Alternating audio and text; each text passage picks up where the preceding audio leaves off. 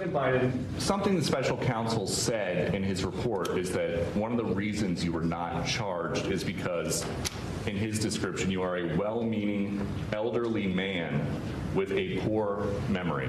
I'm well-meaning, and I'm an elderly man, and I know what the hell I'm doing. I've been president. I put this country back on its feet. I don't need his recommendation. It's How totally out. bad is your memory, and can you continue as president? My memory is so bad. I let you speak. That's uh, that's Do you that's feel my, your memory has gotten worse, Mr. President? my memory is not good. My memory is fine. My memory. Take a look at what I've done since I become president. None of you thought I could pass any of the things I got passed. How'd that happen?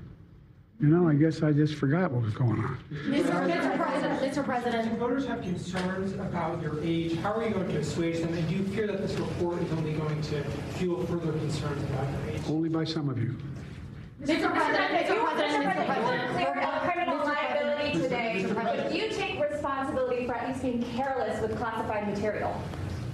I take responsibility for not having seen exactly what my staff was doing. There- It goes in and points out things that appeared in my garage, things that came out of my home, things that were moved, were moved not by me, but my staff, but my staff. Mr. President, Mr. President, Mr. President, Mr. President, for months, Mr. President, Mr. President, Mr. President, for months when you were asked about your age, you would respond with the words, "Watch me." Many American people have been watching, and they have expressed concerns about your age. That is They- your judgment. they- That is your according judgment. to public That is polling. not the expressed judgment of the press. They express concerns about your mental acuity. They say that you are too old. Mr. President, in December, you told me that you believe there are many other Democrats who could defeat Donald Trump. So why does it have to be you now? Why, what is your answer to I'm the that most question? Person in this country be president of the United States and finish the job I started. Ja, president Biden ligt onder vuur. Is hij nog wel capabel genoeg om president te zijn? Ja, dat, dat, ja, die vraag moeten we natuurlijk stellen aan de Amerikaanse kiezer. Die gaan erover. Nou, jullie eh, eh, hebben mij gehoord over de peilingen daaromtrent. Die vinden allemaal dat Biden, althans allemaal maar in grote meerderheid, dat Biden niet meer capabel genoeg is om eh, president te zijn. Er zijn dezelfde zorgen over Trump, alleen die zijn een stuk minder groot. Met andere woorden, heel veel Amerikanen vinden dat hij geen president meer kan zijn. En ja, wat er gisteren gebeurde helpt daar natuurlijk niet bij. Maar ik kan me ook voorstellen dat je denkt: hé hey Raymond, maar ben jij niet steeds degene die zegt dat Biden gewoon eerlijk moet zijn over het feit dat hij een dagje ouder is? Nou ja, er zit allemaal wel wat in. Misschien eventjes een stapje terug. Wat is er nu gisteren gebeurd? Zoals jullie weten heeft president Trump problemen uh, uh, met die uh, geheime documentenzaak. Hè? Die is, daar, is een, daar is een speciaal onderzoek naar geweest en uiteindelijk is besloten om daar een zaak van uh, te maken. Althans, dat speelt nu uh, momenteel nog.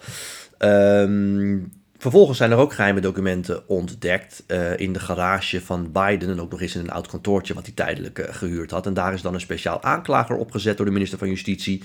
Omdat de minister, minister van Justitie zei: Ja, ik kan niet mijn baas onderzoeken. Dus er moet een onafhankelijk iemand voorkomen. En diegene.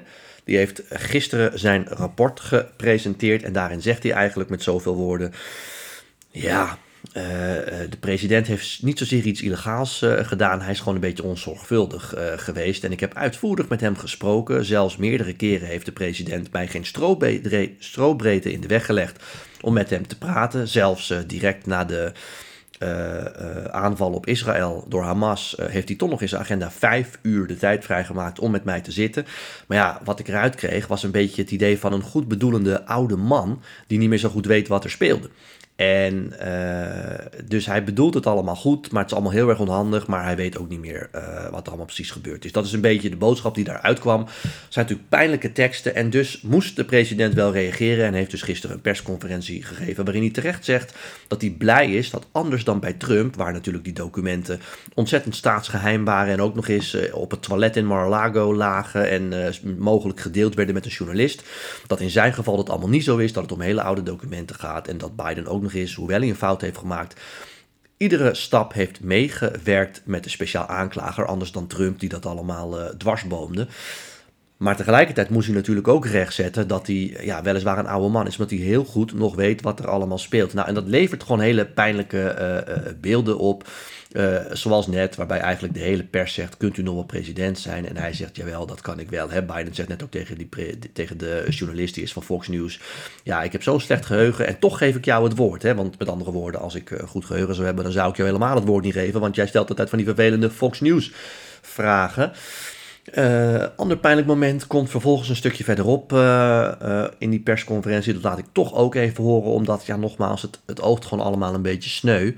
Omdat namelijk ook in het rapport er een, ja, een verwijzing staat naar een gesprek over de dood van de zoon van president Biden, Bo Biden, die aan een hersentumor is overleden. En er wordt toch de suggestie gewekt dat Biden niet zo goed meer weet wanneer zijn zoon nou overleden is. Ik kan het niet mooier maken dan het is. Dat is wat erin staat met zoveel woorden. En de president reageert daar ook even op. Laten we even luisteren. Some attention paid to some language in the report about my recollection of events. There's even reference that I don't remember when my son died. How in the hell dare he raise that? Frankly, when I was asked the question, I thought to myself, it wasn't any of their damn business. Let me tell you something. Some of you have commented, I wear since the day he died every single day the rosary he got from Our Lady of. Every Memorial Day, we hold a service remembering him, attended by friends and family and the people who loved him.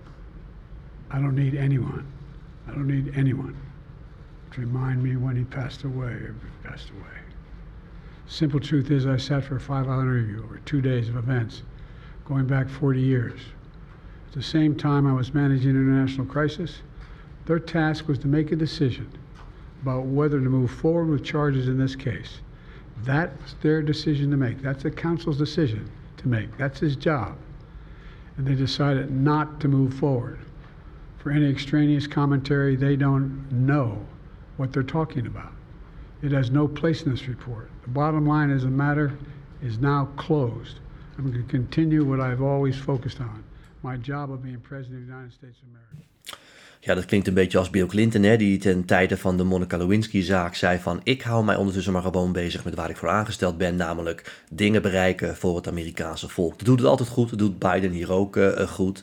Uh, wegblijven van die drama. Maar ja, wereldwijd, en zeker natuurlijk ook in Amerika, maar wereldwijd, ook in deze podcast en in Nederland vanavond ongetwijfeld in alle talkshows is er weer gedoe over, weet Biden nog wel waar hij het over heeft. Hè? En ook zo'n punt over zijn zoon. Het, hij oogt des te meer als een oude broze man. Het is allemaal gewoon heel erg sneu. Heel veel in de communicatie is natuurlijk beeld. Hè? Dus je kan wel zeggen, ik weet het allemaal nog zo goed, maar het oogt natuurlijk allemaal heel erg pijnlijk. Het is een beetje vergelijkbaar met je opa die tegen je zegt... hey, ik heb gisteren nog zitten kijken naar Ron Brandsteder... en jij weet, oh nee, hij bedoelt Martijn Krabbe natuurlijk, weet je wel. Maar Ron Brandsteder was van vroeger. Is allemaal niet erg, maar de vraag is wel... kun je dan nog uh, president uh, zijn? En ja, het meest pijnlijke was misschien nog wel... dat Biden op een gegeven moment de persconferentie beëindigt... nadat hij meerdere vragen heeft beantwoord, wegloopt... en toch nog een vraag krijgt over het conflict in Israël, in het Midden-Oosten. En dan denkt, ja, die ga ik nog wel even beantwoorden. Dus hij loopt terug en vertelt vervolgens dat hij daar heel druk bezig is om alles goed te regelen. En dat hij ook uitvoerig contact heeft met uh, de president van Mexico, Sisi. En hij bedoelt natuurlijk de president van Egypte. Nou ja, allemaal niet goed. Dan kom ik terug op mijn slotpunt. Uh, uh, ik heb inderdaad altijd gezegd: je zal als president Biden niet om de hete brei heen moeten draaien. Dus ja, er zijn een aantal oplossingen die het tijd nog moeten kunnen keren voor de president. Dat is hopen dat die inflatie daalt, maar zeker proberen de problemen aan de grens met Mexico aan te pakken. Ik heb het vaker gezegd. En je zult moeten erkennen dat je een broze oude man bent, maar dat je dit doet voor the good of the country. Omdat je zoveel van Amerika houdt. En dan is alles niet perfect wat je doet en je maakt af en toe een slippertje. Um, maar je doet het met hart en ziel. Uh, en je doet het omdat je niet wil dat het land in een dictatuur vervalt als Donald Trump weer aan de macht komt. Dat zal de boodschap moeten zijn. Maar ja, uh, als ik dan ook zie hoe deze persconferentie weer gaat, dat zal wel op een iets minder rommelige manier moeten. En ja, ik vind ook dat Biden vaker uh, vurige speeches moet houden, waarin hij dus die dingen zegt die ik net zei. Maar ja, als hij daar vervolgens ook weer al die foutjes in maakt, is de vraag of dat handig is. Dus ik weet ook niet of mijn oplossing de beste is, maar dat het Witte Huis in de problemen zit, is duidelijk. Goed, tot zover wat mij opviel. Dan naar jullie vragen. Die hebben jullie natuurlijk weer ingestuurd via Twitter, Instagram en LinkedIn. Ja, Christophe die vraagt: uh, Hey Raymond, uh, vraag je voor de podcast. Met het nieuwe migratiewetsvoorstel in zicht zou ik willen weten of Biden niet vervreemdt van zijn progressieve achterban. Ik heb het idee dat er nogal wat conservatieve eisen worden ingewilligd. Ja, uh, Christophe, dat klopt. In feite heeft de president gezegd, behalve het compleet afbouwen van die muur van Trump, dat vind ik wel een stapje te ver gaan. Maar geef eigenlijk de Republikeinen gewoon waar ze al 30 jaar om vragen. Geef ze al die strenge maatregelen. Dat we een grens tijdelijk kunnen sluiten. Dat we mensen sneller terugsturen. Dat we het moeilijker maken om uh, Amerika binnen te komen. Doe het allemaal maar. Want we moeten iets doen aan die chaos. En anders blijft dat aan mij kleven.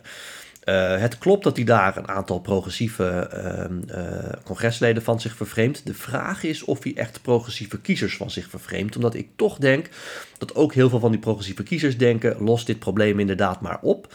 zolang er niet een complete muur gebouwd wordt met een soort greppel met krokodillen erin, wees maar een stuk strenger aan die grens. Dat is één. Uh, en, en, en, en je ziet ook in heel veel onderzoek, en dat is twee, dat steeds meer Amerikanen, hè, neem dat voorbeeld van die muur aan de grens met Mexico, ja, dat is dan misschien, dat is misschien een eigen leven gaan leiden, die muur, maar bij de Republikeinen is dat inmiddels uh, gemeengoed.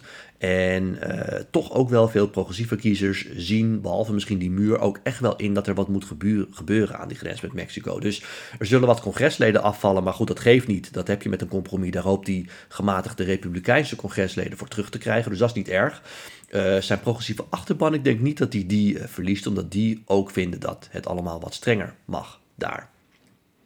Dan een vraag van Nick. Uh, hey Raymond, wellicht leuk voor de podcast. Als de deal van Biden over de grenscontrole wordt afgewezen door de Republikeinen, kan hij dan niet de noodtoestand uitroepen zoals Trump destijds met de muur heeft gedaan? Ja, dat kan, Nick. En ik denk ook dat Biden dat moet doen, omdat je nu al hoort dat er ook wel wat kritiek is op de president. Altijd natuurlijk, maar ook op dit punt. Omdat hij heel veel vraagt van het congres. Dat is ook nodig. En hij zegt daarbij als redenatie. Um, nu kan ik niks doen, hè, my hands are tied. Uh, nu kan ik uh, niet handelen. En daarvan zeggen ook progressieve commentatoren wel. Dat klopt niet helemaal. Je kunt als president heel veel. Het is natuurlijk beter om dat gezamenlijk te doen. Het is ook beter om als Democraten en Republikeinen te zeggen: we hebben dat uh, in meerdere opzichten opgelost. Maar je kunt als president echt wel heel veel zelf. En als die deal er echt niet doorkomt, dan zou ik de president ook adviseren om dat te doen. En ik denk ook dat hij dat dan gaat doen. Dan een vraag van Koos. Uh, bij de vorige verkiezingen in 2020 greep de Democratische Partij in het uh, kippenhok van kansloze kandidaten en schoof Biden naar voren om met Trump te strijden. Als ik uw podcast van vandaag beluister, dan zou ik het niet onlogisch vinden om zo snel mogelijk een andere naar voren te schuiven en dan niet Harris. Eigenlijk lijkt mij alleen Newsom, de gouverneur van Californië, een alternatief. Zijn er al peilingen met Newsom als backup voor Biden? Uh, en hoe dat dan afloopt? Ja, goede vraag, Koos. Daar worden niet heel veel uh, peilingen uh, uh, voor gedaan, omdat ja, de, peilingen worden vaak gedaan als, als je echt weet dat iemand kandidaat is. Hè? Dus Nikki Haley bijvoorbeeld, maar ook in het verleden Ron DeSantis, Chris Christie, die worden echt wel tegenover Joe Biden gezet. Maar Gavin Newsom is geen kandidaat, dus er wordt niet echt een peiling over gedaan. Ik kon er eentje vinden, die was van... Uh, vorig jaar in november, gedaan door Fox News. Die hadden gevraagd wat nou als Trump het op zou nemen tegen Newsom. En ja, toen kreeg je niet een heel ander resultaat, moet ik heel eerlijk zeggen, dan als Trump het op zou nemen tegen Biden. Trump scoorde 49%, Gavin Newsom 45%. Moet ik natuurlijk wel bij opnemen dat Gavin Newsom nog geen dag campagne heeft gevoerd als officiële presidentskandidaat. Tegelijkertijd is Newsom wel heel vaak in de media met een soort van onder de radar presidentiële campagne waarin hij zegt ik steun Biden, maar toch uh, zichzelf in de markt prijst als mogelijke opvolger van hem. Daarin opent hij ook de aanval op de Republikeinen, op Trump. Uh, dus wat dat betreft is dit cijfer niet echt uh, ontzettend fijn voor hem. Hij scoort dus niet hoger of lager dan president Biden in die ene peiling dan. Goed, tot zover weer. Dank voor jullie vragen. Blijf die opsturen. Kan zoals jullie weten via Twitter, Instagram en LinkedIn. En dan beantwoord ik ze weer in een volgende podcast. Tot zover, tot dan.